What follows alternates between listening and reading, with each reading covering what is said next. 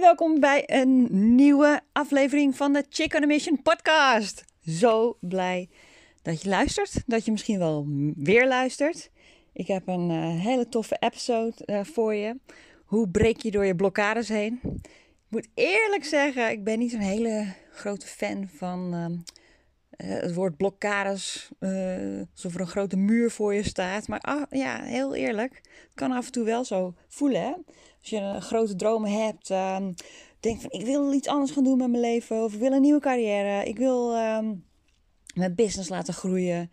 Eh, ik weet dat ik stappen moet zetten, maar iets houdt me tegen. Eh, waarom blijf ik rondjes draaien? Waarom zet ik die grote stap niet? Nou, wellicht herken je die vragen bij jezelf wel. En ik heb vandaag een toffe oefening voor je. Heel speels, heel licht, heel leuk als je wilt, eh, maar ook heel effectief. En kan je echt tot de, ja, tot de bodem brengen eh, van waar het nou precies in zit wat je tegenhoudt. En natuurlijk zijn eh, de dingen die je tegenhouden vaak gebaseerd op, op angsten, op, op het ehm, niet weten wat je te wachten staat, het onbekende, ehm, eh, wat als je faalt, ehm, gewoon de, de vragen die in je opkomen. En je kan op, denk ik, op duizend manieren door blokkades eh, breken.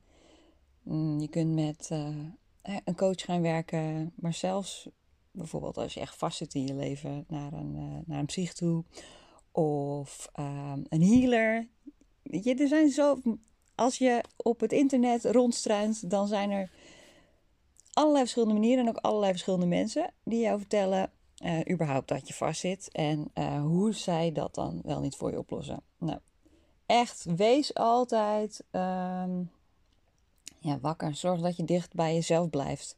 Het hoeft allemaal niet zo groot te zijn, maar het kan wel echt enorm kloten voelen als je de hele tijd nee zegt tegen jezelf. Als je dacht van verdorie, vorig jaar zat ik op dezezelfde plek en nu ben ik nog niet bewogen. En wat is het toch? En op een gegeven moment ga je jezelf echt een beetje neerhalen van eh, wat is het nou? Iedereen anders doet het wel en jij niet. En ehm, je roept de hele tijd al, je durft het niet eens meer eh, tegen vrienden te zeggen. Ja, ik, eh, ik wil echt een business starten. Of ja, ik, ehm, ik ben echt op zoek naar een nieuwe baan. Of eh, ja, ik eh, droom er echt van om voor mezelf te beginnen. Of ehm, ik wil nu echt online gaan. Of mijn eh, podcast beginnen, mijn social media eh, boosten. Whatever it is, het is jouw droom, jouw ding. Misschien kan, en het kan ook zijn ehm, in een ander land gaan wonen, zoals wij gaan doen. Eh, het duurt niet heel lang meer of wij verhuizen van Sydney naar Singapore. Dus weer een heel groot avontuur. En ehm, dat brengt onrust met zich mee. En wij hebben een, een klein meisje thuis. En ze is negen. En ehm, deze oefening die ik nu ga doen, heeft alles met haar te maken. Want zij ehm, had gisteren een, eh, een beetje een, een, angstaanval. Ze had pijn in de buik. Heel vervelend voor ons is dat er heel, heel dicht bij ons in de buurt was er een, eh een corona-case. Of COVID. COVID-case in, in een motel of een hotel. Eh, en die, dat hele hotel, ehm, er mocht niemand meer in of uit. En er waren allemaal cleaners. En op een gegeven moment stond zelfs het nieuws voor de deur. Een politiebusje. Echt, wauw. Dan komt het opeens weer zo dichtbij. En dat is dan in jouw straat. Ehm, ik probeer er niet al te lang over na te denken hoe onhandig het is dat als jij wil gaan emigreren en je al bijna niet van een eh, Australisch eiland afkomt. En met moeite dan weer een nieuw land inkomt door alle strikte regels en procedures en formulieren die wij moeten invullen. Dat dat dan net in jouw wijk gebeurt. I kid you not. Dan. Ja. Ik kies ervoor om eh, me te blijven focussen op de, de dingen waarop ik invloed heb. En de rest laat ik even gaan, want anders is dat echt niet te doen. Maar ik wil er wel voor mijn meisjes zijn. Ik wil er wel voor haar zijn als zij eh, die angst voelt. En ehm, het mooie is dat zij al zich heel goed kan uitdrukken. Mama, ik heb butterflies in mijn buik. En het werd heel erg, ze had, mama, ik heb buikpijn. Eh, I'm worried. Ehm, en dat vind ik natuurlijk heel erg lastig om te zien, want ze was echt in tranen.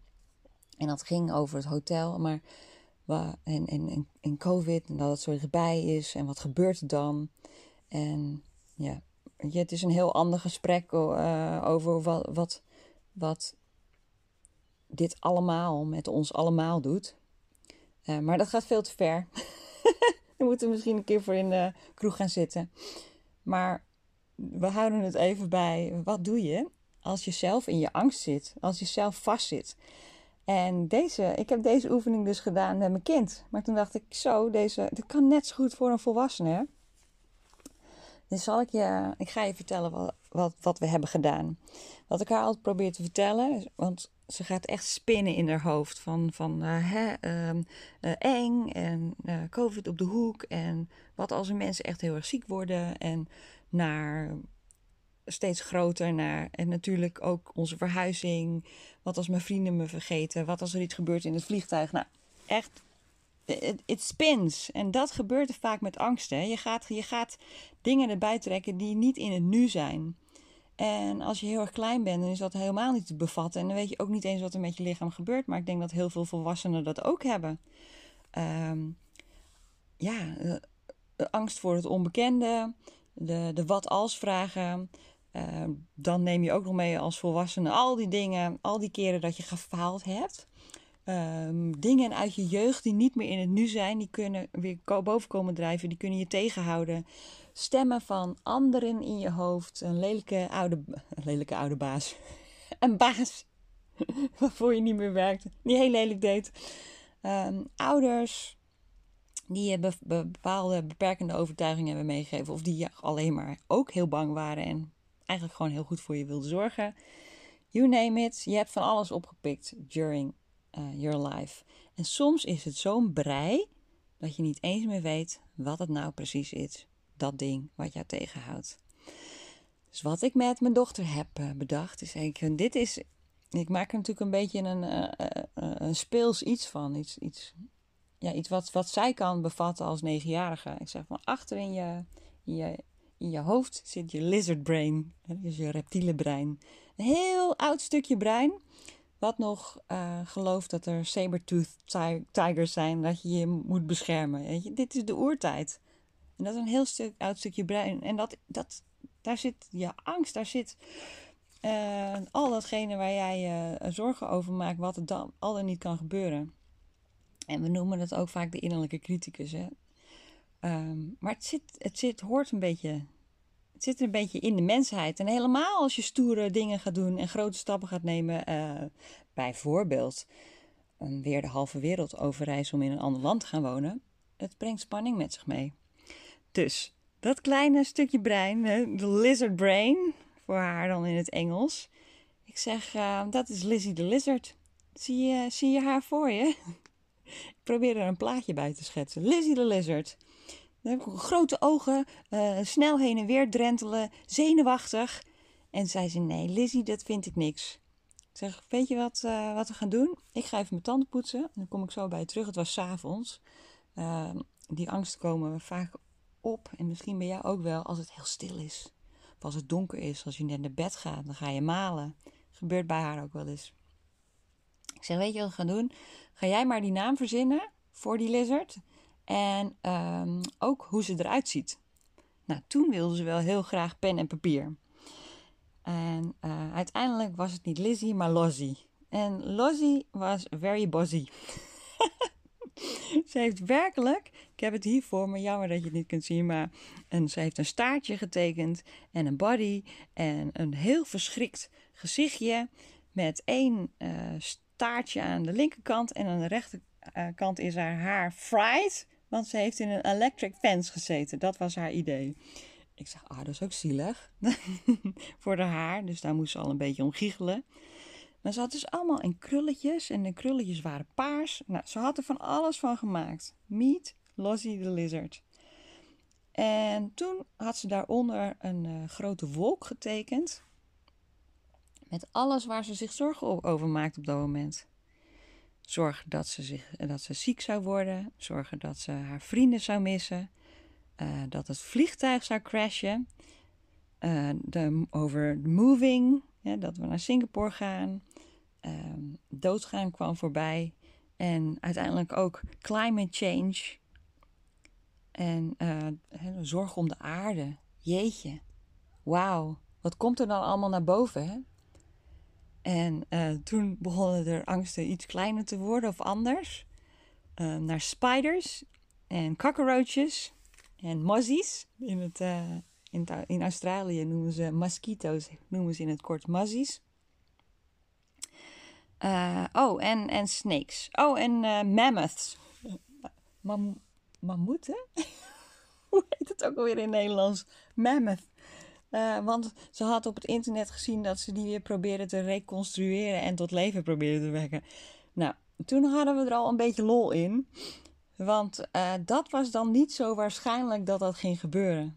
Weet je? En dan komen we weer, wat ik wel eens in een vorige podcast heb verteld. Is het true? Is het helpful? Is het kind naar jezelf om zo te denken? En ik zeg tegen haar van, nou wat heeft Lozzie the Lizard nu nodig om te horen? Wat heeft ze nodig? Kon ze niet zo goed opkomen, maar ze hebben samen wat uh, bedacht wat, wat Lozzie nodig had om rustig te worden. Maar eigenlijk was die stap niet meer nodig.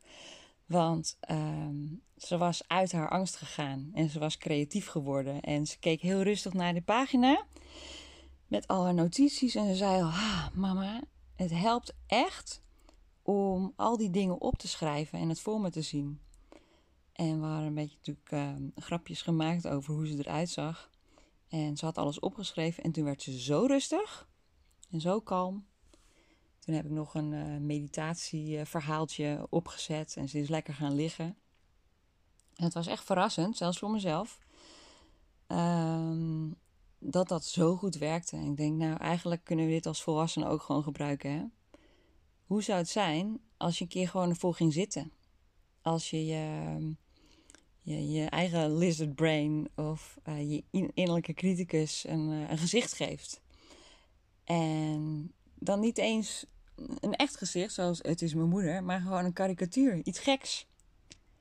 Dus je geeft je, je angst een gezicht en een naam. En je schrijft alles op wat diegene zegt. Al het lelijks, al het enge, alle angsten, alles wat redelijk is of onredelijk. Soms weet je niet eens wat er zich allemaal in uh, de krochten van je brein afspeelt. En dan kun je, kun je gaan kijken: is dit, um, je, is dit echt? Is dit voor nu? Uh, kan ik een paar dingen gaan wegstrepen? En misschien zelfs wel even gewoon verbaasd staan en lachen van wauw, wat gebeurt er al in mijn hoofd? En daardoor ontstaat ruimte. En dan kun je creatief gaan worden en dingen gaan wegstrepen en uh, misschien ook dingen gaan helen en als je het nodig hebt, ook hulp inschakelen om de, om de grote dingen op te ruimen. Maar alleen al door het zichtbaar te maken, door het uit je hoofd te halen en op papier te zetten, it can help you tremendously. Dus dat is de oefening van vandaag. Ik ben heel benieuwd hoe uh, jouw lizard heet en hoe die eruit ziet. Uh, nog heel even, dan gaan we dus uh, naar Singapore. Over een week verhuizen we. Super spannend allemaal. Dus uh, word vervolgd over uh, hoe we het uh, daar gaan beleven en hoe we de nieuwe cultuur ingaan en hoe het uh, dan is als je de volgende grote droom bent gestart. Ik hoop dat jij ook groot blijft dromen en vooral je droom blijft najagen. En ik spreek je snel weer. Doeg!